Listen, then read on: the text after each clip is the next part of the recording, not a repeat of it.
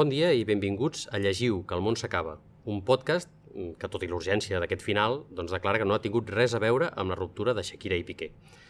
Bon dia, Anna Rossic, de Traduint des de Calella. Hola, bon dia. I bon dia, Laia Bonjoc, de Book Hunters. Bon dia, què tal? I que us parla, en Sergi Porcet. El que passa que aquest podcast sembla una mica maleït perquè eh, últimament no hi ha manera de que ens trobem tots junts per gravar. Aquest cop és en Joan qui ens falta, però no patiu perquè tindreu la vostra dosi de Joan, mm. com sempre. Recordar-vos que eh, ens podeu trobar a tots nosaltres a les diverses xarxes socials, Instagram, YouTube, Twitter, que ja us el deixarem a, la, a les descripcions perquè ens podeu trobar, i també que aquest podcast compta amb xarxes pròpies, tant a Twitter com a Instagram ens trobareu amb l'usuari llegiu QEMS, de llegiu que el món s'acaba. Eh, bé, aquest, en aquest cas eh, deixarem que sigui en Joan qui ens expliqui l'espai des d'on estem gravant avui, perquè ell el coneix molt millor que nosaltres, així que endavant, Joan. Avui em toca a mi presentar-vos el lloc on hem vingut a gravar aquest episodi. M'hagués fet moltíssima il·lusió poder-hi ser, malgrat que al final no ha sigut així, perquè es tracta de la llibreria Casa Usher, la llibreria que podreu trobar al barri de Sant Gervasi, al carrer Sant Taló, número 79.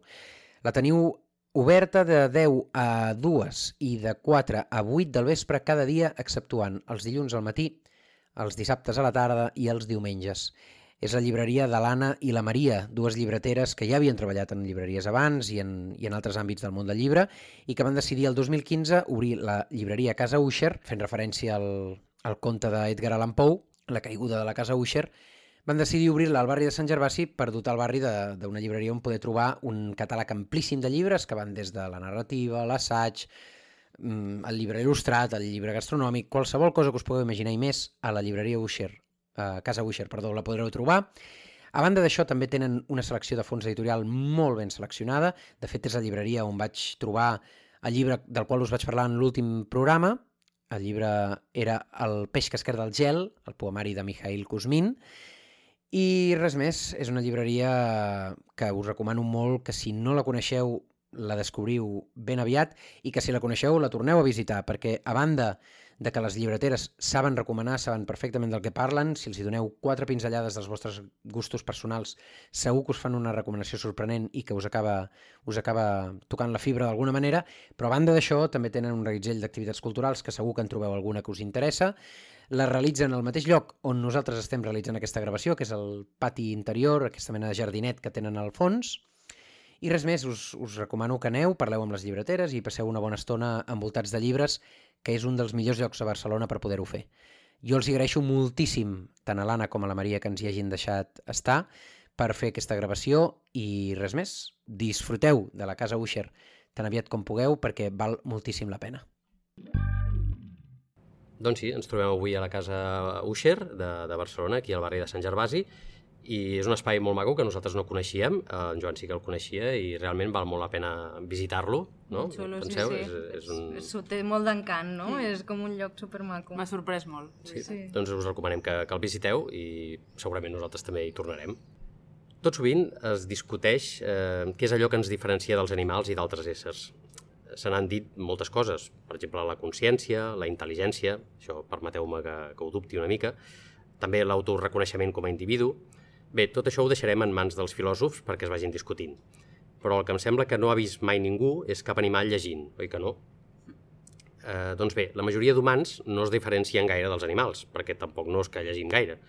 Però n'hi ha que sí, que llegim. Eh, si més no, a dia d'avui hi ha un percentatge força alt de, dels humans que tenen aquesta capacitat. Tampoc no hem vist mai animals escriure. Per tant, hauríem de dir que també és una capacitat humana i que és normal que la immensa majoria de llibres eh, tinguin una visió humanocentrista. Però també n'hi ha que no. També hi ha llibres en els quals el narrador eh, no és humà, o potser el protagonista no ho és, i aporta una visió totalment diferent de la realitat. I això volem dedicar l'episodi d'avui, eh, escapar-nos eh, una mica d'aquesta visió tan centrada en l'ésser humà i fixar-nos en narradors o protagonistes que no siguin humans. Mentre seguim esperant el meteorit, eh, fixem-nos en com veuen el món altres tipus d'entitats. Així que això avui és Llegiu, que ens fa ser humans.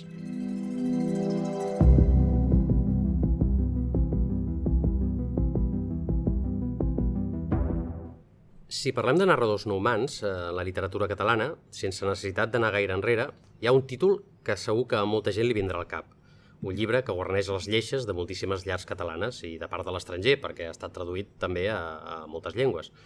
Mm, en efecte, parlem de Canto jo i la muntanya balla, eh, que és de la Irene Solà i que va publicar eh, a l'editorial Anagrama, que de fet va guanyar el Premi de novel·la de la Casa l'any 2019. A Canto jo, eh, la vida de les muntanyes va a un altre ritme. Al Pirineu Oriental, diverses famílies es relacionen a través dels anys. Es troben i se separen, s'enyoren i es temen, accidents que marquen la vida d'uns quants, però sobretot una història narrada amb moltes veus per construir una novel·la coral en el sentit més ampli de la paraula, ja que no només homes i dones ens donaran la seva perspectiva, eh, sinó que altres elements com animals, bolets, fantasmes, fins i tot algun fenomen meteorològic, juguen un paper important en la història i aportaran la seva pròpia visió. És un trencaclosques multifactorial que eh, haurem d'unir peça a peça per acabar de vestir el tot eh, des del màxim de perspectives possibles. El plantejament de l'obra eh, és interessant, un ambient de muntanya, una història explicada des de molts angles, però a la pràctica no vaig trobar que fos un llibre fàcil. Cal situar-se constantment i aquest trencaclosques que deia doncs, no és tan fàcil de muntar. De vegades la narració és encadenada, però no sempre és lineal Mm, se n'ha destacat molt també doncs, aquesta escriptura, aquesta prosa poètica, i aquí sí que podem convenir que Solà escriu bé i bonic, però de vegades agafa un to molt solemne i rebuscat que li fa perdre frescor en ares de mantenir l'estil. I si juntem això, a que jo no sóc mm, gaire fan tampoc d'aquesta prosa poètica, en general, bé, doncs ara és el moment de la confessió, no he de dir que a mi aquest llibre no em va fer gaire el pes. Uh. comencem, comencem bé, eh? Confessions, confessions. Bé, ja no és la primera vegada que ho diem, però bé, puc entendre que, que aquest llibre doncs, eh, ha agradat a, molt a alguna gent, no? però em resulta més difícil d'entendre com s'ha arribat a convertir en un long seller. De vegades eh, comentem amb la Laia que no ens sembla un llibre per a tothom. Pensem que per arribar a gaudir-ne cal un bagatge lector important i un gust una mica entrenat. Eh, no em sembla precisament un llibre per enganxar-se a la lectura. De fet, més aviat, és allò, si et cau a les mans i no estàs acostumat a llegir, és més probable que fugis corrents. Eh, però, de veritat, que ningú s'ofengui, eh, que és només la meva opinió. I estic segur que molta gent no hi estarà d'acord. Ara bé, si sou d'aquestes que l'heu llegit i no us ha dit res, o heu pensat que no n'hi havia per tant, mm, i us fa vergonya reconèixer-ho, eh, que sapigueu que no esteu soles. teràpia, teràpia. Farem un grup eh, de, de, de teràpia, però ara ara us toca mullar-vos a vosaltres, perquè clar, jo ja he reconegut que el canto jo no em va agradar. A vosaltres, em sembla que l'hem llegit tots quatre, eh, què us va semblar? Bé, uh, jo, nosaltres uh, és això que ja, ja n'hem parlat en altres xarxes i tal del Canto Jo, perquè era com un llibre del qual se n'havia de parlar, i precisament nosaltres ja l'any passat vam fer un, un vídeo a YouTube on, on fèiem un resum de les lectures que menys ens havien agradat i, i jo va ser un dels llibres que, que, que, dels quals vaig parlar, no? del Cantojó, que sí que realment doncs, tampoc és el meu estil de llibre, també crec que és un llibre d'aquests que hi ha molta diferència entre haver-lo llegit abans i després del boom, no? perquè uh, hi ha gent que li ha agradat i que reconeix que li ha agradat, però que si realment l'hagués llegit amb totes les expectatives que després se li han posat a sobre, doncs que de vegades pot ser més una llosa que una altra cosa. No? Llavors jo aquest estil poètic, la veritat és que també em costa, li puc veure les virtuts, com deia en Sergi, no? i el per què ha agradat a alguna gent, però realment no, no seria tampoc el meu estil. Jo, a veure, jo vaig trigar a llegir-lo, molt de temps vaig pensar que no l'arribaria a llegir mai per això de les expectatives, tal, i dius, ai, mira, mm, és igual, no passa res si no el llegeixo, però l'any passat, per Sant Jordi, és a dir, Sant Jordi 2021, per tant, uns quants anys ja després, vaig dir, va, m'hi animo i m'hi poso, i, és a dir, no em va deixar allò de, uau, el millor llibre de la meva vida, però tampoc em va desagradar, mm em va semblar interessant. Em va fer també obrir una mica jo la ment, perquè jo potser sempre era molt de llegir llibres molt amb una estructura molt típica, molt clàssica, i llegir llavors un llibre narrat per tants personatges diferents i amb aquesta prosa poètica, com dieu, és dir, ostres, doncs mira, això també pot ser literatura, literatura feta en català, en un català jo crec molt, molt bonic no? i molt ric de mm. vocabulari, és a dir, no sóc hater, però tampoc sóc la fan número 1, que el, com deies, molta gent potser el recomana gent que no és lectora i penso, jo, ostres, potser no. Costa, no? Sí. Però sí que, a veure, va semblar correcte. també té aquesta cosa, jo crec que agrada... Um, si ets la, zona, la gent que és d'aquella zona més de muntanya del Pirineu, jo crec que també li poden trobar un, potser un plus que nosaltres no, no, no? com a gent de l'àrea metropolitana, que potser no li puguem trobar, no? Doncs, però sí que hi ha hagut alguna gent que, que jo hi he parlat, que li ha agradat, que, que li parla com de casa seva, no? i que això potser mm. per aquella gent també li, li té aquesta, aquest amor o aquesta, aquest apreci. Bé, eh, ens consta que en Joan, que també és una mica urbanita, eh, no li ha agradat i és força crític eh, amb aquest eh, llibre. Eh, hem de dir que no ens ho havíem parlat abans. Diguem que per formar part d'aquest podcast no era un requisit eh, que no ens hagués entusiasmat el Cantujó i la muntanya Valla, però que s'ha donat així. I és curiós perquè el llibre té moltíssims fans i defensors, probablement molta gent que ens està escoltant igual ara s'està posant les mans al cap perquè, perquè no li agrada el que està sentint. Eh, durant una temporada gairebé te n'havies d'amagar si no t'havia agradat o trobaves que no hi havia per tant. Eh? La gent et, et mirava malament pel carrer, et, et retiraven la paraula... Bé, és, això és una mica una, una dramatització, però sí que és cert que durant un temps eh, només es deia que no t'havia agradat doncs, una miqueta amb la boca petita, eh? s'ha de reconèixer. Sí. Bueno, però aquestes coses ja passen, no? Que després salta algú que diu que no li ha agradat i llavors ja la gent se suma al carro una sí, mica, no? O dius, ui, no em vull sentir jo com l'única persona a qui no li ha agradat. Ah, que no... Ah, sempre, quan hi ha algú que ho diu, mm, diversa gent es puja al carro, sempre. Bé, no, que no hi ha llibres que agradin a tothom i que al final està bé també tenir aquesta versatilitat, no?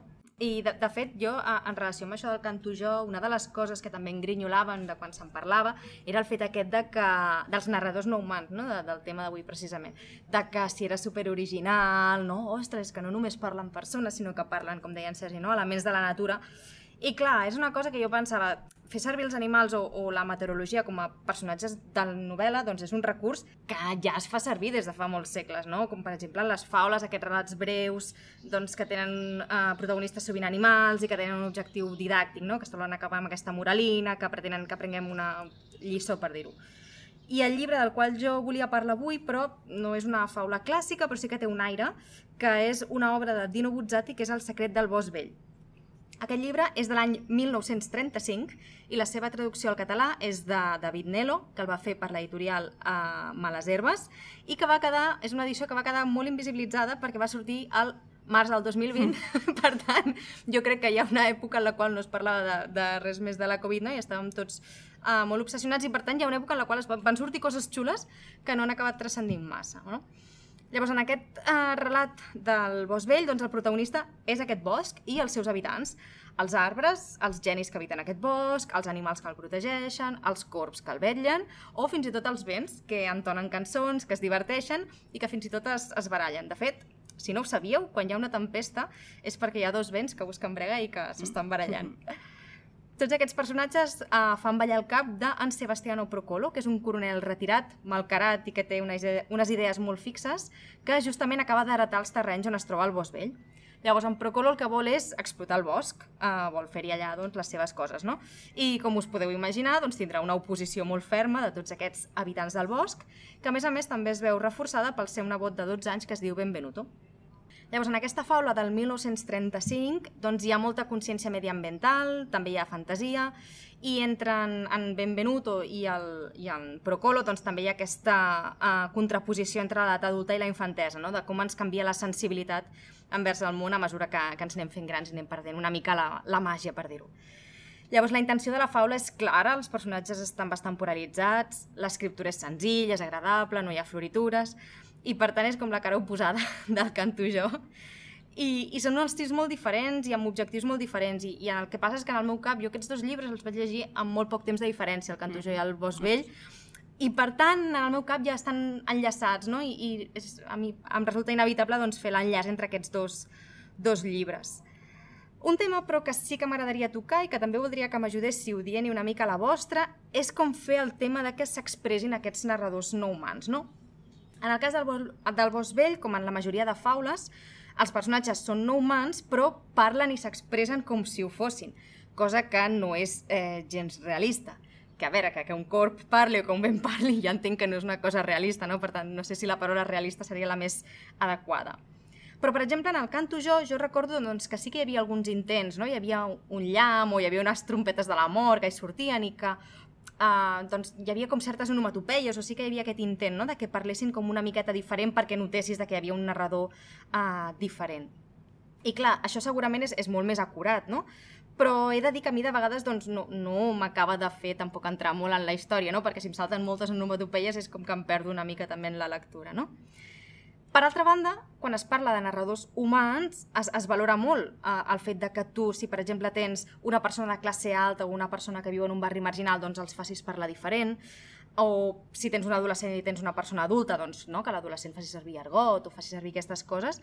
Uh, per tant, és com una cosa que no acabo de saber molt bé i no sé quina opinió en tindríeu, no? Que, com s'ha de traslladar uh, això en els narradors no humans? Bé, en el cas de Canto Jo i la muntanya balla, com, com deies, Laia, um, sí que hi ha una mica l'intent de que cada un dels narradors, que cada capítol eh, mm. el porta un narrador diferent, eh, parlin de manera diferent i, i sí que hi ha algun element, onomatopeies, com deies, alguna, alguna diferència. Eh, potser és més un intent que, que aconseguir-ho. Jo penso que és molt diferent que el lector percebi que, que està mm, llegint narradors diferents i no acabar caient en que tothom, tot sona igual. Però, de totes maneres, jo he de dir que sóc més de l'altre cantó. A mi em fa una especial gràcia que les històries aquestes en què elements fantàstics o, o animals fins i tot, o qualsevol element, com és el cas de, del secret del, bo, del bosc vell, eh, tots els elements et parlin com si fossin humans. A mi eh, em, em fa gràcia perquè ja, ja ho veus que és irreal i no hi ha cap intent, no hi ha cap voluntat de fer-ho passar per una altra cosa.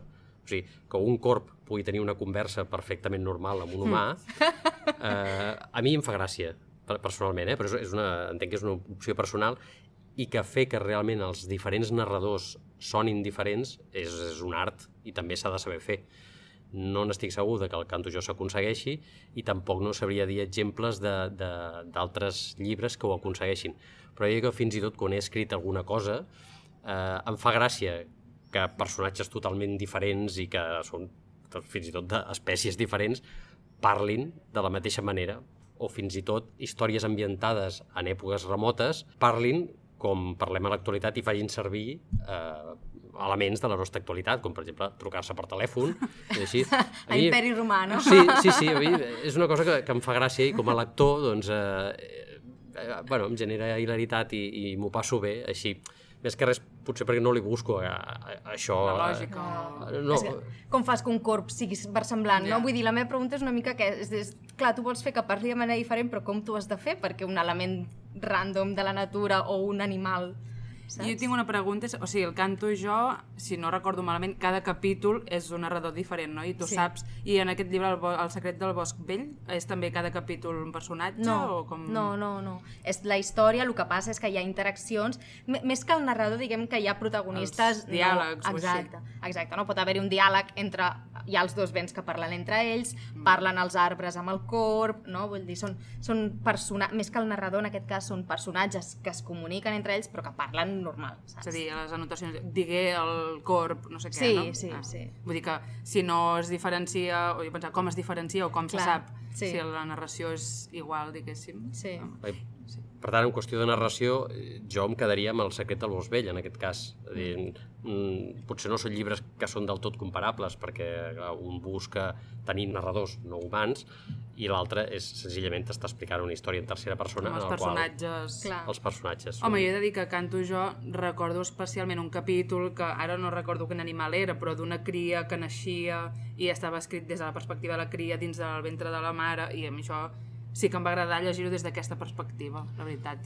No sé. Però jo trobo però... que és més la perspectiva que no la narració, no? Vull dir, ja, no, una no, cosa sí. que tu tinguis diferents visions des d'on ho veus i l'altra és que la narració realment, que si sóc un bé, doncs sí, no. narro com un ja bé, però dius, i com coi narra un bé? Saps? Ja. No sé, és complicat. Bé, és una cosa que s'ha de, de saber fer. Sí, sí, sí. sí. fer. No, ara m'has fet pensar, això ja és una aportació, una exemplaria, però quan has dit això, que t'agrada que parlin uh, animals, mm, he pensat, oh, com les típiques pel·lícules que els animals parlen, no? que sí. també queda irreal, però quan et fan parlar un cavall o un no sé què, i dius, mira, és, és irreal i curiós, però no sé. Has de partir de la base que ja saps que és irreal i que sí. és, no... Exacte.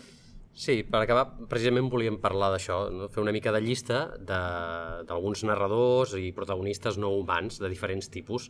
Per exemple, els animals, com deia l'Anna, eh, és probablement el més clàssic i ens venen al cap, per exemple, eh, el del, aquest recull de quanta terra necessita una persona de Lev Tolstoi, que hi ha el relat, un dels més coneguts, que és Història d'un cavall, que està narrat, i aquí sí, per, per un cavall que explica la seva història des de que, que va néixer pràcticament i, i tota la seva trajectòria i està força aconseguit en aquest cas, però sí que és un cavall que és molt intel·ligent i clar, et parla gairebé com un humà, però bé, ella, ella Que et, et, resta, et, et narra tota la, la seva història. Tenim també el, el gos eh, Buck de eh, La crida del bosc, un clàssic eh, juvenil d'en Jack London, que s'ha considerat juvenil, penso jo, perquè eh, el protagonista és un gos i durant tota la història eh, seguim eh, en aquest gos, però jo penso que és un clàssic que, que és molt recomanable, a més, perquè és una història molt colpidora i en, en, des de la perspectiva d'un animal, però diguéssim que retrata els humans d'una manera molt clara també.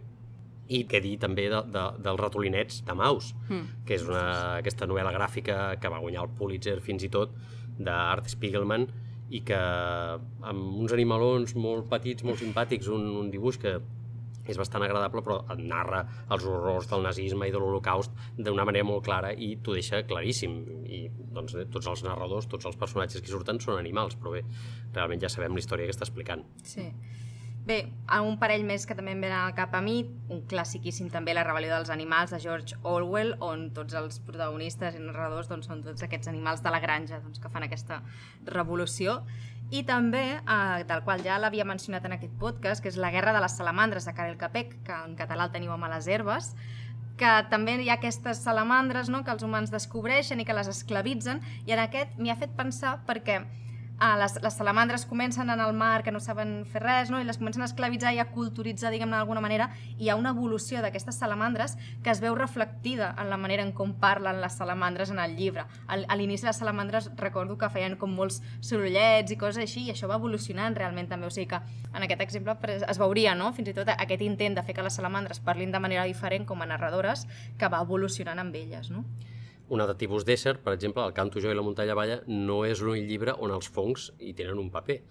Perquè si ens anem a l'Albert Sánchez Pinyol, té un llibre que és Fungus, en el qual mm, bueno, el típic monstre que apareix en els llibres de fantasia de l'autor, en aquest cas són uns bolets, són bolets molt grans que viuen també al Pirineu i bueno, tenen bastanta mala llet, s'ha de dir, però tenen un paper central, tot i que no parlen directament, però eh, són molt protagonistes per la història. Fins i tot, de de vegades ens parlen els morts, que potser en el seu dia van ser humans, però ja no ho són. I un exemple que tenim és en Ding Xiaoqiang, que és el, el, el nen de 12 anys, eh, que és qui ens narra la història del somni del poble Ding, de eh, Yang Lianke, que, que bé, que és, és mort. Ella ens explica la història i va tenir... va ser enverinat eh, eh, d'això i ell ens explica la història del seu poble des de la mort. I què dir quan és la mateixa mort la que és protagonista o hi té un paper important. I aquí ho trobem, per exemple, en tota la sèrie de, de Terry Pratchett del Discmont, que eh, recentment ja sabeu que està publicant en català l'editorial Mai Més, i el personatge de la mort hi té un paper. És un personatge recurrent, que més és molt graciós perquè apareix, no sé si en tots, però en molts de, de, dels més de 40 llibres de, de la sèrie. I clar, com en aquest eh, Discmont sempre hi ha algú que mor, doncs eh, hi ha el personatge de la mort que el ve a buscar i sempre hi té un paper i clar, és, és protagonista i sempre estàs esperant a que, a que surti la mort per allà. A més, aquest any també, que farà 30 anys de Barcelona 92, uh, com a narrador no humà també podem tenir els extraterrestres i escombrant una mica cap a casa tenim el Sin Notícies de GURB, no? de l'Eduardo Mendoza, aquests dos extraterrestres que aterren a Barcelona en plena voràgine olímpica, que es perden i doncs, que recorren tota la ciutat. I fins i tot tenim éssers virtuals protagonistes. Eh, probablement cada vegada en tindrem més, però jo vull citar un exemple molt concret, que és un relat del recull Exhalació de Ted Chiang, que també va, ens va portar aquí l'editorial Mai Més, que es diu El cicle de la vida dels objectes de software, i els protagonistes són una mena de mascotes virtuals, que són els digients, que són com uns tamagotxis, però una mica més evolucionats, Són que són molt monos i els voldries tenir a casa, però bé, són una intel·ligència artificial que va millorant, va aprenent i cada vegada estan més perfeccionats i realment són molt protagonistes i acabes pensant que això eh, acabarà sent real i bueno, creiem, creiem que, que ja, ja teniu prou protagonistes i, i No narradors humans. no humans Home, vosaltres tots aquests llibres els heu llegit? Aquest sí. Uau. Aquest sí. No, perquè Sí, jo mm, no ho confessaré, però la majoria no. I, i re, vull dir, Orwell, Orwell. generen interès, la veritat, no? I perquè són plantejaments originals i això dels narradors no humans també, home. Bé, Eh, eh, solem efecte. citar casos que coneixem, eh, n'hi ha molts més, segurament eh, qui ens pugui estar escoltant li han vingut al cap eh, molts altres protagonistes que poden ser animals o, o morts fins i tot, i, i d'altres éssers, i altres que ens deixem segur, eh? però, però bé, sí, aquests casos els coneixem i bé, són, ens han cridat l'atenció. En molts casos són de, de ciència-ficció o de gènere fantàstic, perquè clar, És pa- fàcil, és no? fàcil que, que un narrador que no és humà, eh, no és realista, doncs eh, s'acabi englobant en, en aquest gran gènere que és el fantàstic. Bé, ara, entre els traductors, com tenim això de, de ser humans o no ser humans? Home, doncs, també hi ha tema. I bé, ara faré una petita explicació de com està una mica el panorama. Espero que sigui interessant i, i que s'entengui tot bé. Però això, ja que avui parlem de narradors no humans, a mi m'ha semblat interessant parlar-vos una mica de la traducció feta per no humans, és a dir, la traducció automàtica, que és aquella que es fa mitjançant programari informàtic. Segur que tots us sona el traductor de Google. Però a banda d'aquesta eina que és capaç de traduir textos de tota mena a molts idiomes, una cosa que crec que en general hem normalitzat molt, però que en realitat és bastant forta, doncs arreu del món hi ha grups d'enginyers, programadors i lingüistes que treballen per desenvolupar eines que puguin arribar a traduir com els humans i que quan llegim la traducció final d'un producte doncs no hi hagi res que ens pugui fer pensar que allò ho ha fet una màquina i a sobre molt més de, ples, de pressa, fent clic a un botó i traduint-se automàticament, no? Uh, per arribar a aconseguir aquests bons resultats, aquestes eines s'entrenen. No em pregunteu com, la veritat, jo no sóc enginyera, em sembla tot plegat uh, cosa d'un altre món. Però això, les eines, les màquines s'entrenen, com els digens aquests que comentava en Sergi, uh, per arribar a un punt doncs, que aquestes eines uh, siguin capaces de reconèixer els elements de la frase i elles soles decidir quina és la millor solució de traducció. Algunes eines el que fan és traduir paraula per paraula, d'altres poden arribar a analitzar el context, d'altres funcionen per estadística... Vaja, tot plegat fa una mica de por i el ritme de desenvolupament d'aquestes eines va bastant de pressa. Sí que no podem negar no, que com a usuaris eh, disposar d'una eina com el traductor de Google és molt útil, sobretot per ajudar-nos a tenir una idea general del contingut d'un text. No? Dius, mira, una recepta de cuina, un article d'un diari, doncs no et farà una traducció mm, publicable, segurament, no? caldria que algú la revisés, la polís una mica, però la traducció que t'ofereix Google sí que et permet entendre una mica de què va aquell text o el contingut en general. Però això seria més aviat un ús personal dels traductors automàtics. No? Tu a casa teva dius, vull saber la traducció d'això una mica així per sobre, i poses a Google i t'ho tradueix. Però la traducció automàtica també, de mica en mica, va fent pressió també en els traductors professionals. No? Uh, com us he comentat abans, doncs hi ha empreses que estan desenvolupant programes que el que fan és traduir els textos automàticament i llavors el traductor humà el que fa és revisar aquella traducció, és a dir, no tradueix el text des de zero. I jo crec que són eines que poden ser molt, útil, molt útils en el cas de textos poc creatius, no? en el cas dels manuals d'aparells electrònics, per exemple, la gran majoria ja es tradueixen així i segur que algun cop us ha passat, no? que agafeu un manual d'aquests, el comenceu a llegir i diu, uf, uh, quina redacció, no sé, estranya, no? que sí. dius, això es nota que no ho ha fet una persona i és perquè s'ha fet la traducció amb una màquina i jo crec que la majoria de vegades ni es revisa, no? posen allà el manual, la traducció a 50 idiomes i més o menys per sobre uh, ja et pots doncs, uh, fer entendre una mica, però notes, no? D'allò que dius, això no ho ha escrit un humà.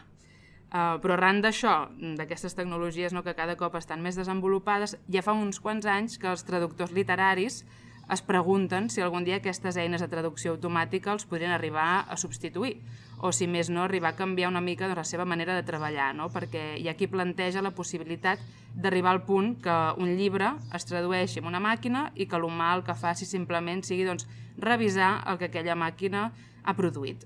I, i segurament hi haurà qui dirà, home, doncs no és una idea tan dolenta, no? perquè si el llibre es pot traduir amb una màquina, segurament el procés serà molt més ràpid i, i mira, tots en sortim doncs, beneficiats. Però, però clar, llavors jo em pregunto que, què passaria amb la professió del traductor, no? Potser desapareixeria. És a dir, jo personalment penso que ja no es tracta de si la feina es fa més o menys de pressa, sinó que hi ha persones que volen fer la feina de traductor i, i els agrada treballar d'això, no? I, i, I no pas revisar una traducció que ha fet una màquina, que també està bé si t'agrada fer aquesta feina, però ja no és el mateix, no? Però clar, si deixem de banda aquesta visió més romàntica i ens posem una mica realistes, doncs clar, no podem viure al marge de tots aquests canvis i, i és un tema no? que, que ens ronda per aquí. Però bé, sembla que de moment, almenys en l'àmbit de la traduc de traducció literària, podem estar una mica tranquils, no? perquè els experts diuen que, que la traducció de llibres i de literatura és la més difícil de fer per les màquines, bàsicament perquè es tracta de textos que són creatius, que tenen frases iròniques, metàfores, narradors una mica peculiars, no? com els que hem comentat avui, que eh, hi ha d'haver un treball d'interpretació al darrere, una intenció, l'autor... Vull dir, mm. clar, no són textos planers com les instruccions d'un microones, no? Um, I vaja, de moment sembla que, que una màquina tot això encara no ho pot entendre o no ho pot captar. D'aquí uns anys ja ho veurem.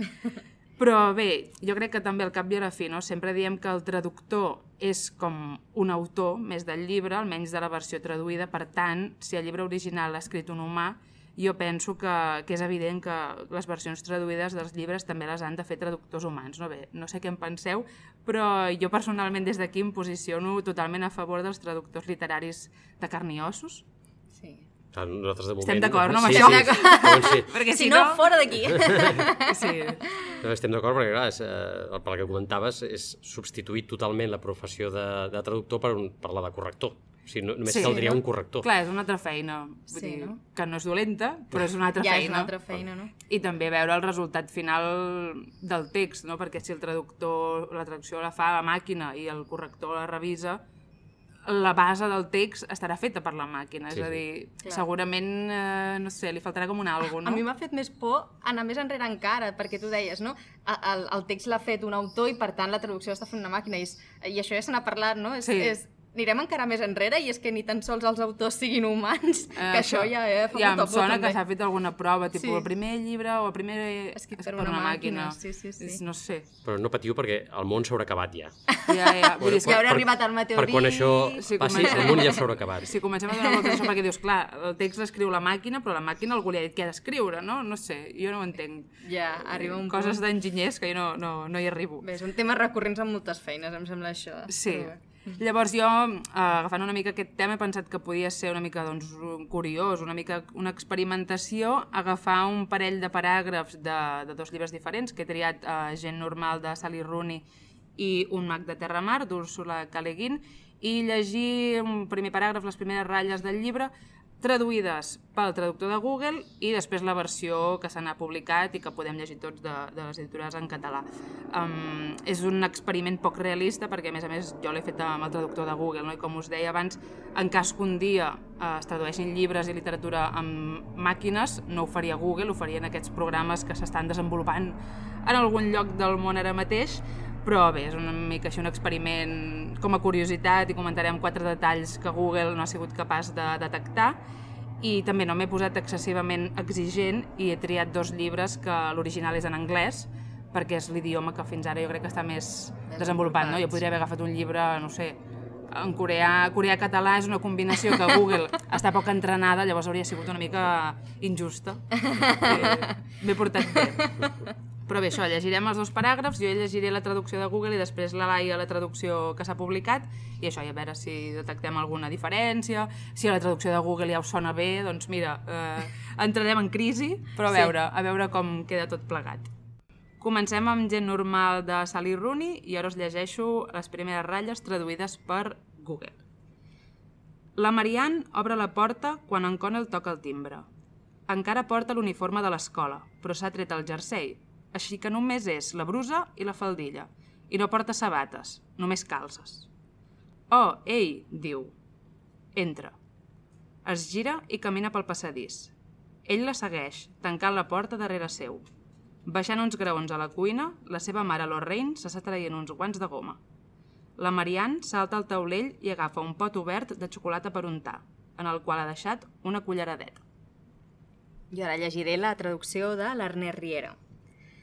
La Marianne obre la porta quan en Connell toca el timbre.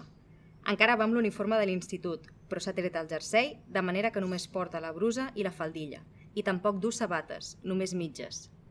Ah, eh, diu ell. Entra. Ella fa mitja volta i travessa el vestíbul. Ell la segueix, després de tancar la porta. A la cuina, baixant uns quants esglaons, la mare d'ell, la Lorraine, es treu uns guants de goma. La Marianne seu d'un bot damunt del taulell i agafa un pot obert de crema de cacau, on hi ha deixat una cullera. Molt bé, potser la traducció de Google no ha sonat tan malament, però hi ha uns detallets que ara comentarem. El primer de tot, que suposo que sorpresa, és això que diu no porta sabates, només calces. Uh, no va amb calces, va amb les mitges, vol dir que no, va descalça de peus amb les mitges. Això pot portar equívoc en el llibre, ja. Clar, clar, clar. Obre la porta amb Te calces. l'imagines Pots, amb pots intuir que calces. va d'un altre tema. Sí, és a dir, aquest és un error de vocabulari que dius, bueno, clar, al final hi ha paraules que en anglès eh, potser tenen molts significats i després el traductor no ha sigut capaç d'entendre quina era, però mira, aquí un punt a favor de l'Ernest, el traductor de Google em referia, eh? no ha sigut capaç. L'Ernest Riera sí. um, llavors també, bé, això ja és un tema més de gramatical, no? que en anglès es fan servir molts gerundis que en català són incorrectes, no? quan diu uh, ell la segueix tancant la porta darrere seu. L'Ernest ja ho ha fet molt bé de ell la segueix després de tancar la porta. Aquest tancant la porta mm, no és correcte, perquè dir que la segueix mentre tanca la porta i que no pot Ja. seguir-la caminant i tancant la porta, perquè la porta mm, ja no hi és, no? està enrere.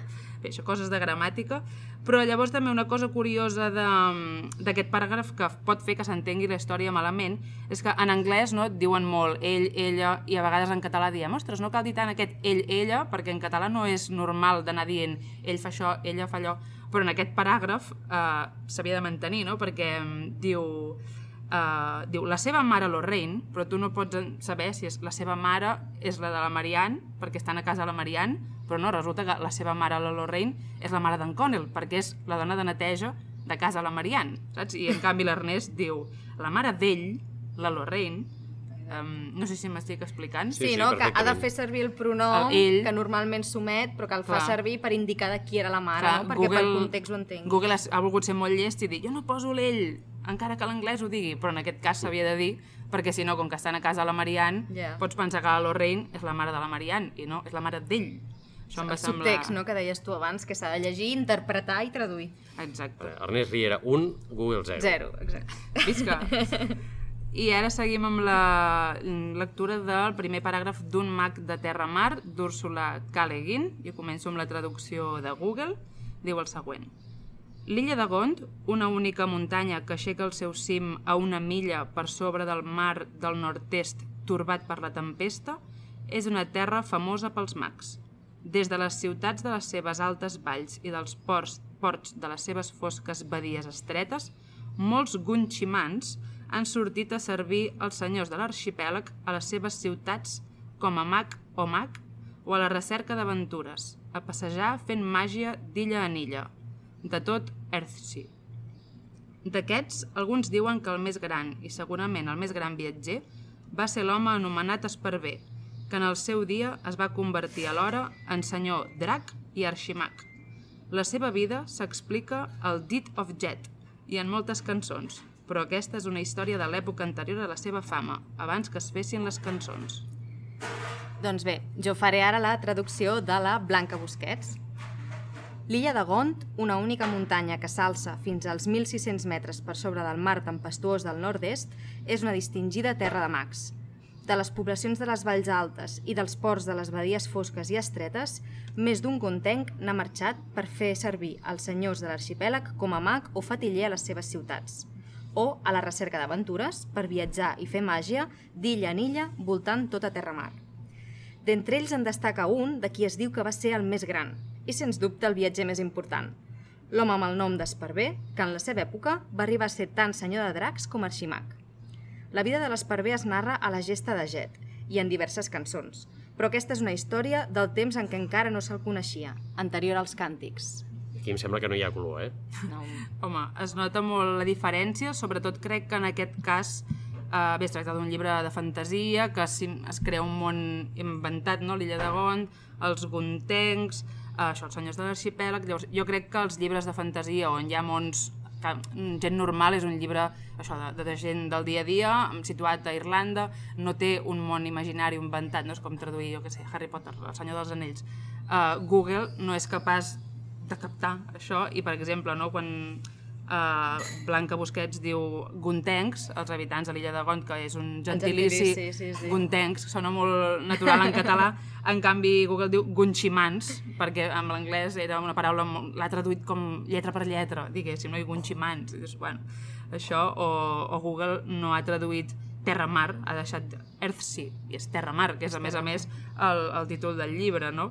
Eh, o ha deixat en anglès Deed of Jet, que la Blanca diu gesta de jet. Ha aquestes coses que Google no és capaç de captar. I mm, que això segurament, quan desenvolupin aquestes eines, d'aquí esperem molts i molts anys, hi haurà una eina que segurament marcarà, no, això són noms propis, perquè el traductor que ho revisi després mm, miri si es tradueix, si no, aquí el famós, i ha molts altres casos, no, però segurament el llegeixo Messi, no sé, Sí. sabeu de què va? No, Sí, jo sí. no. Vull dir, fa uns anys, no sé quin diari va ser, però que deia Leo Messi, Ah, sí. i es va traduir del castellà al català i es va publicar que deia llegeixo Messi. Sí. I això és perquè en principi les es tradueix amb una màquina aquest diari del castellà al català, La Vanguardia, i la màquina no va detectar que allò era un nom propi i llavors tampoc ningú ho va revisar i no sé si era en portada o un titular gros. Llegeixo Messi i una frase que va dir. Llavors, aquestes coses Gros, gros. sempre hi ha d'haver el revisor darrere, no? Segurament aquestes eines també funcionarien d'aquesta manera, que els noms propis es deixen una mica en stand-by per revisar després. Uh, també tenim estructures molt calcades de l'anglès, no? quan uh, Google diu uh, de les seves fosques badies estretes. I dius, L'ordre, sí. En canvi, Blanca no? diu les badies fosques i estretes. Vull dir, un ordre natural en català, que això en anglès passa molt, que posen adjectius, adjectius, i en català s'ha de després fer una forma que ens soni més natural. I per últim, eh, quan jo he llegit que deia la, traductor de, la traducció de Google, diu han sortit a servir els senyors de l'arxipèlag a les seves ciutats com a mag o mag. Sí. O com a mag o mag, i és perquè en anglès diu uh, wizard or mage, que Google pues, no ha detectat que en català tenim més d'una paraula i ha posat wizard, mag, mage, mag, i dius, pues, no. Pues ja està. La Blanca s'ha fet l'esforç aquí de, de dir, no, dues, no posaré dues paraules iguales, no? no té cap sentit.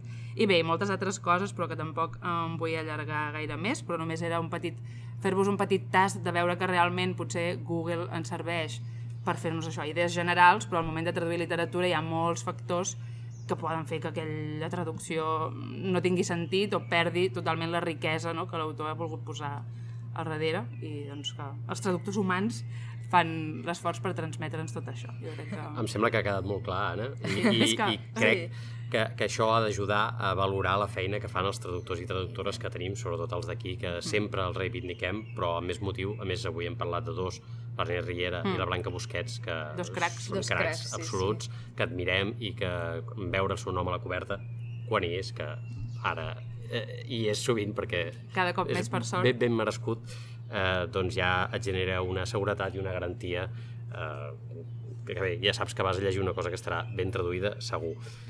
I finalment, eh, us ho havíem promès, donem pas a en Joan, que també farà la seva intervenció, eh, des de la distància en aquest cas, però bé, eh, Joan, endavant.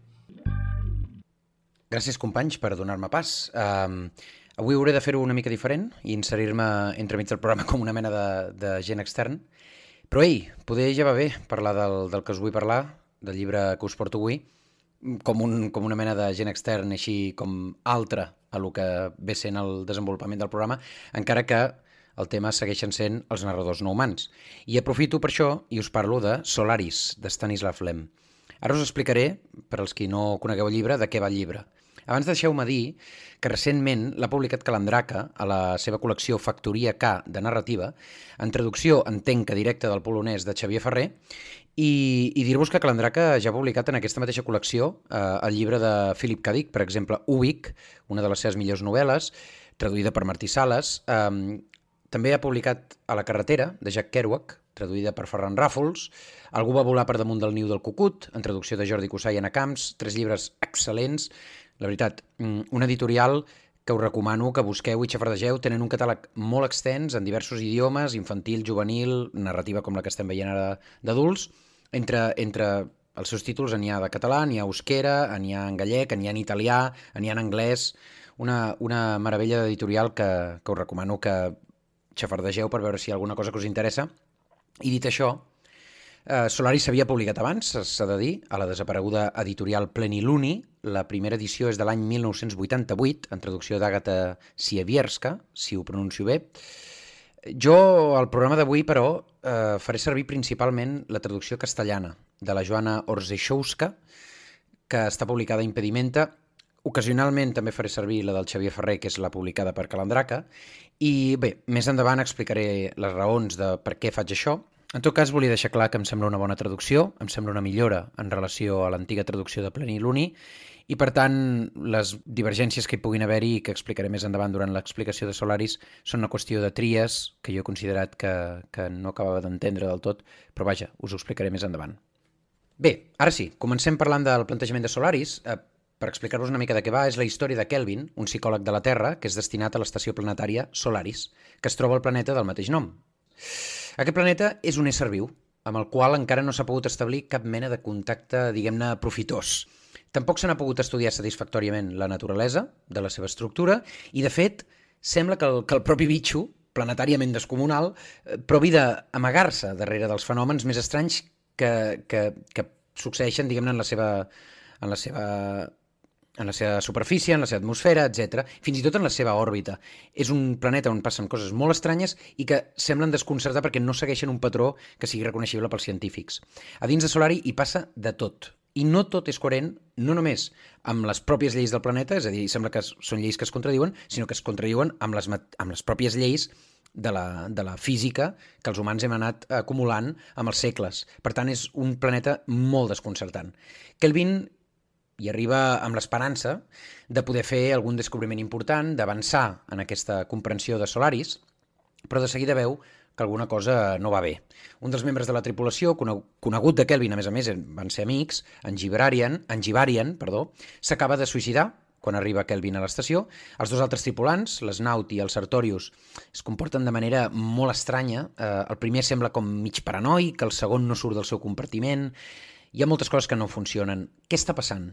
Fa poc es veu que els científics han provat coses noves per provar de contactar d'alguna manera amb Solaris, però des de llavors eh, algú, algú ha canviat en el planeta i passen coses estranyes, estranyíssimes, de fet.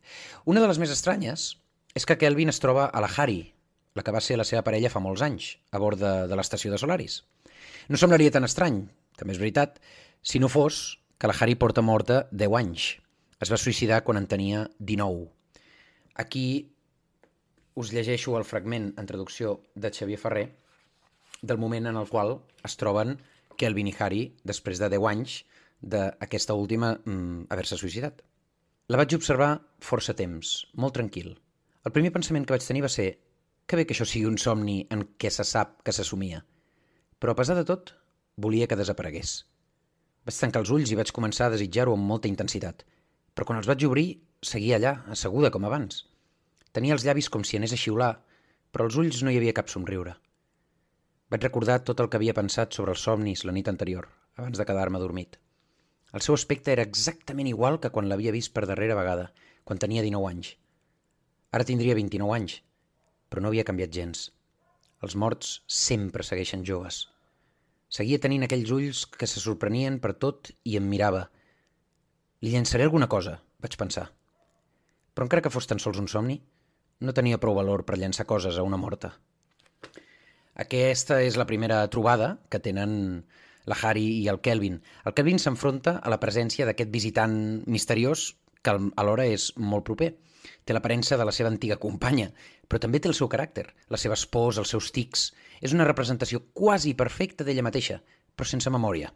I encara més desconcertant és el fet que és l'única mena de comunicació directa que sembla que s'ha establert entre el planeta i els humans de Solaris, i té aquesta manera retorçadíssima de fer aflorar com, com si fos una claveguera que ja no dona més de si, tot el, tota la porqueria que aquests duen a dintre en forma de dolor acumulat, en forma de tristesa, en forma de remordiments. Què collons és Solaris? Per què els fenòmens que hi tenen lloc semblen, d'una banda, immotivats, com els fenòmens meteorològics, i, el, i en canvi els recobreix com aquesta aura com de pensament, de consciència, com si alguna cosa els estigués produint per alguna mena de propòsit. És Solaris una forma de vida, realment? L'EM dedica un capítol a presentar el que la comunitat científica sap de Solaris.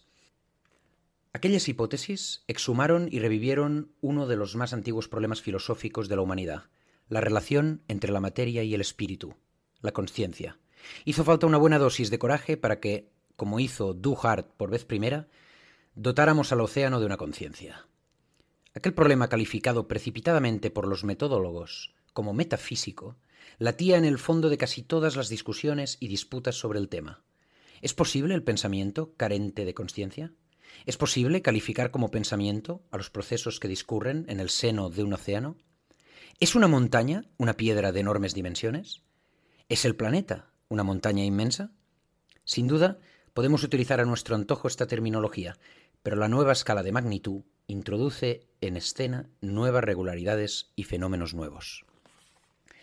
Aquest fenomen, aquesta dificultat per entendre què és Solaris es veu claríssimament en aquesta, en aquesta recopilació per part de Kelvin de totes, de totes les coses que s'han estudiat sobre aquest planeta. Aquí he de dir, per exemple, per explicar-me una mica més, que comencen alguns dels meus problemes amb la traducció de, de Ferrés, de Ferrer, perdona. Per exemple, en aquest cas, eh, quan s'està discutint sobre és possible el pensament sense consciència, Ferrer opta per dir és possible el pensament sense consciència? Es poden anomenar pensaments els diversos processos que té l'oceà? És la muntanya una gran pedra? És el planeta una enorme muntanya? Jo crec que aquí els articles definit, el, la, eh, no queden tan bé com els articles indefinits un, una, perquè en realitat s'està com... No sé, a mi em fa la sensació que els articles indefinits mantenen més la, la abstracció de la, de la reflexió, que al final està pensant en, en, en l'estatut del, ontològic, de lo, què és un pensament, què és un planeta, què és una muntanya, quan deixem de considerar una pedra una muntanya. En general, no només a Solaris, i jo crec que això es perd una mica amb els, amb els articles definits. És una opció, el, la dels articles indefinits, que també han pres altres traductors, entre ells la de la traductora de, ple, de la versió de Pleniluni. Per tant, és una de les ocasions en les quals crec que es perd una mica el caràcter molt filosòfic, hi ha un punt molt filosòfic a Solaris, encara que també hi ha altres, altres tons, no sempre s'està aquí dalt de la reflexió, però hi ha aquest punt d'abstracció que és, mm, per mi, de les millors parts de la, de la novel·la. En qualsevol cas, què és la consciència? Podem dir que és conscient el planeta d'allò que està fent? És conscient de que confronta els científics que l'estudien amb aquests visitants que formen part del seu passat? I si n'és conscient, com n'és conscient? Els fenòmens, els canvis, les visites d'éssers estimats morts fa temps es converteixen en una mena d'interacció opaca a la ètica. No hi ha correspondència, no hi ha comprensió, però els fets ocorren, al planeta s'entreteixeixen amb els fets de la vida de tots els homes que, que hi viuen i que no saben interpretar el sentit d'allò que els està passant. En canvi, sí que saben acusar amb els dits la causa d'allò que els està passant. I la causa és un planeta que és viu, o que sembla que és viu i que és incomprensible. Solaris. Poder al pinyol de Solaris hi ha, hi ha aquest problema de la comprensió i el pensament humans. El fet que de tan obsedits en veure una imatge reconeixible en allò que investiguen i que pretenen comprendre, al final acaben per projectar el seu propi reflex en totes les coses. Al final, la nostra manera de pensar i d'entendre és part de l'obstacle que ens permet seguir pensant i seguir entenent aquelles coses més difícils d'integrar dins dels nostres esquemes. En un moment de la novel·la, l'Snaut fa una reflexió en aquest sentit. Debes de estar bromeando, murmuró. Me examinaba atentamente. Si no paro de hablar de Solaris, únicamente de Solaris, de nada más, no es culpa mía que sea algo tan radicalmente distinto de tus expectativas. Además, ya has vivido lo suficiente para escucharme hasta el final. Salimos al cosmos preparados para todo, es decir, para la soledad, la lucha, el martirio y la muerte. La modestia nos impide decirlo en voz alta, pero a veces pensamos, de nosotros mismos, que somos maravillosos. Entre tanto, no queremos conquistar el cosmos, solo pretendemos ensanchar las fronteras de la Tierra. Unos planetas habrán de ser desérticos, como el Sáhara, otros gélidos, al igual que el Polo, o bien tropicales, como la selva brasileña. Somos humanitarios y nobles, no aspiramos a conquistar otras razas, tan solo deseamos transmitirles nuestros valores y, a cambio, recibir su herencia. Nos consideramos caballeros del santo contacto. Esa es otra falsedad. No buscamos nada, salvo personas. No necesitamos otros mundos, necesitamos espejos. No sabemos qué hacer con otros mundos. Con uno ya nos atragantamos. Aspiramos a dar con nuestra propia e idealizada imagen, Habrá planetas y civilizaciones más perfectas que la nuestra. En otras, en cambio, esperamos encontrar el reflejo de nuestro primitivo pasado. Mientras, al otro lado, subsiste algo que no aceptamos, de lo que, no, de lo que nos defendemos. Pero si de la tierra no hemos traído más que un destilado de virtudes, la heroica estatua del hombre.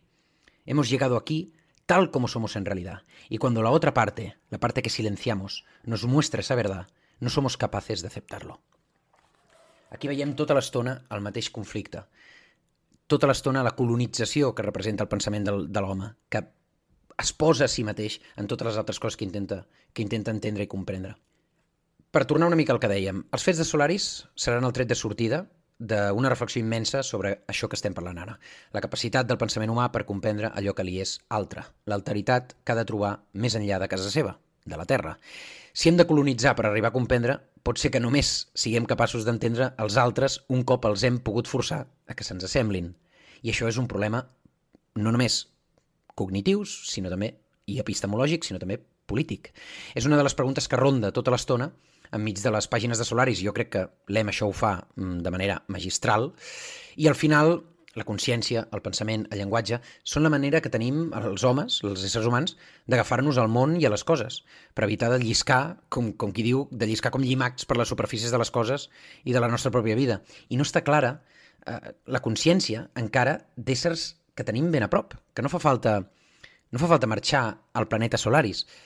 No cal anar gaire lluny a d'altres planetes, i, i això és el, la reflexió final, no cal anar a altres planetes i altres galàxies per sentir-se completament incomunicat. Uh, L'EM planteja una situació estranya i després la fa reflectir sobre la superfície de dues coses que en sonen moltíssim més que els planetes vivents, com són la mort i l'amor. Sembla com si l'Em ens volgués guiar a través de la seva meditació per l'estranyesa del planeta, però també per l'estranyesa muda i una mica autista del dolor, de la mort d'un ésser estimat, que és un fet del tot incontrovertible, però que no s'acaba de comprendre mai, i del que sempre reclamem unes respostes que sabrem que no arribaran. I també l'amor. Fins a quin punt comprenem allò que se'ns assembla més? I per què creiem que se'ns assembla tant? Com mirem els qui ens estimem? Què hi busquem? Que puguem dir vull un cafè amb llet i que l'altre ens entengui i ens el porti. Diu alguna cosa de com posar en contacte la massa d'efectes, sensacions i impulsos que senten dues persones i tota la multitud d'accions que aquesta massa desencadena. És realment aquesta la funció del llenguatge? La compleix? Compleix la funció del llenguatge quan el traiem de coses tan simples com porta'm aquest cafè, si us plau? És tan simple com, una cosa, com un vas comunicant? Solaris, això sí que ho vull deixar clar, no és una novel·la d'amor, o almenys a mi no m'ho sembla. A mi em sembla que l'amor és, un, és només un dels territoris de la nostra manca de connexió amb les coses. És una de les cartografies de la nostra soledat, per dir-ho així, en, en, en termes de llenguatge, en termes de, de comunicació, en termes d'entendre qui som. I al mateix temps també és un dels llocs on es refugia la nostra fe en la possibilitat d'arribar algun dia a tocar l'altra banda. I jo crec que Solaris és l'exemple de com un novel·lista, que en aquest cas és l'Em, és capaç de, a través de fer reflectir l'estranyesa total d'un fet incontrovertiblement raríssim, com és el fet de que hi ha un planeta vivent, com fer reflectir això en una, en una estructura totalment quotidiana com és la d'una parella que s'ha suïcidat i que nosaltres no sabem per què i que trobem a faltar. És tan simple com connectar aquestes dues coses i veure que darrere d'aquestes coses hi ha una incomprensió fonamental. Hi ha la impossibilitat de traslladar-ho en paraules que acabin expressant la riquesa absoluta de, de relacions que això estableix amb nosaltres, que aquests fets estableixen amb nosaltres, que el planeta o que la Harry estableix amb Kelvin. Solaris acaba amb aquests magnífics pensaments de Kelvin, amb els que també m'agradaria acabar a mi i que són, al meu entendre, una cosa meravellosa. Si em permeteu que ho busqui, us ho llegiré. ¿El qué? ¿Que ella regresara? ¿Acaso era posible? Todos sabemos que somos seres materiales, sometidos a las leyes de la fisiología y de la física, y que la fuerza de todos nuestros sentimientos juntos no puede luchar contra esas leyes, únicamente puede odiarlas. La eterna fe de los enamorados y de los poetas en el poder de un amor más fuerte que la muerte, aquella finis vitae set nom amoris que nos habían inculcado durante siglos, son mentira. Pero dicha mentira es solo inútil, no ridícula. Sin embargo, ¿Es acaso mejor ser un reloj que marca el paso del tiempo y se ve constantemente roto y recompuesto? Cuando su fabricante pone en marcha sus engranajes, ya con el primer movimiento, se generan la desesperación y el amor, y uno es consciente de que el martirio se irá volviendo más doloroso y cómico a medida que crezcan sus repeticiones. Está bien que se repita la existencia humana, pero no a la manera de un borracho que va echando monedas en la, en la gramola, para escuchar, repetida hasta la saciedad, la misma melodía. En las aguas de este fluido poroso habían muerto centenares de personas, y toda mi especie entera llevaba años intentando infructuosamente conseguir una mínima comunicación con él. Ni por un momento creí que él, que me llevaba cuestas como un grano de polvo, fuese a conmoverse por la tragedia de dos personas. No obstante, su actividad estaba animada por algún propósito. De hecho, ni siquiera esto tenía por qué ser cierto, pero marcharse significaba dejar pasar esa oportunidad que quizás era vana o que tal vez solo existía en la imaginación. Pero eso era algo a lo que solo el futuro podria responder. Acabo amb aquest fragment final de Solaris. Espero que li doneu un cop d'ull. Certament val la pena que proveu amb la traducció de Xavi Ferrer, que malgrat les divergències que s'han expressat, és una traducció que val la pena de llegir i que més és la millor que tenim avui en dia en català. Però en qualsevol cas llegiu la novel·la perquè val moltíssim la pena. Ens veiem al proper episodi i espero que ja podré fer-lo amb els meus companys. Doncs bé, després de sentir en Joan, eh, anirem acabant per avui. Només us volem dir, per si hi ha algun dubte, de que tots els integrants d'aquest podcast som humans, almenys fins que es demostri el contrari. Com sempre, abans d'acabar, jo us vull fer la pregunta de rigor. Eh, Anna, què estàs llegint tu ara? Doncs mira, jo estic llegint Les formes del verb anar, de Jenny Erpenbeck, un llibre publicat per Angle Editorial i traduït, traduït per Marta Pere Cucurell, um, un llibre que m'està agradant, però és de redacció una mica lenta i cada cop que l'agafo m'adormo. Per tant, avanço lentament, ja veurem al final a veure què m'hi espera. De moment eh, anem fent. I tu, Laia? Jo estic llegint el llibre de l'estiu de la Tobé Jansson, traduït per Montserrat Vallvé Viladoms, ah, ja que estem de juny nòrdic, nosaltres, doncs... Mira, Anna, estem llegint la mateixa editorial, Ah, també és mira. d'angle, aquest.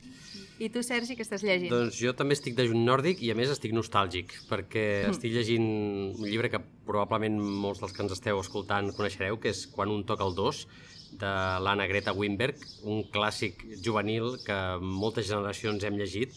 Jo tinc una novena edició, això vol dir que molta gent abans que jo l'havia llegit i penso que moltes eh, altres generacions l'han llegit després i l'he agafat ara pel juny nòrdic perquè era el meu llibre preferit de quan, quan era adolescent. Em va encantar. I com és una autora sueca, eh, doncs eh, vaig dir, doncs, me'l guardaré pel juny nòrdic i he de dir que m'està agradant molt una altra vegada. O sigui, no diré que sigui el meu llibre preferit ara que l'estic llegint 31 anys després de que el vaig llegir per primera vegada, però realment és un llibre juvenil molt recomanable per, per gent jove, parla de molts temes que preocupen el jovent, eh, aquests drames i aquesta intensitat que es té quan s'és adolescent i està en plena pubertat i, i és molt recomanable, la veritat és que a mi em fa il molta il·lusió poder-lo llegir. No ho he dit, està traduït per eh, Josep Maria Custodio, eh, és una traducció molt antiga, no està a la coberta, però bé, ja ho sabeu, eh, és eh, l'edició que tinc jo no és la de l'altra tribu que, que ha publicat Ara. recentment, sinó la de l'Esparver, aquella col·lecció de la Magrana antiga que molts de la meva generació havíem llegit i que gaudíem moltíssim. Està viscut, està viscut. Sí, i tant. Moltes gràcies per escoltar-nos, espereu que us hagi agradat l'episodi d'avui. Com sempre diem, perquè l'esfera- l'espera fins al proper programa s'us faci més lleugera, ens podeu trobar a les xarxes del podcast, arroba llegiu QEMS, i també als nostres respectius canals d'Instagram i de YouTube, que us deixarem a la descripció. Ens retrobem al proper episodi, i mentrestant, Llegueu, que el món s'acaba.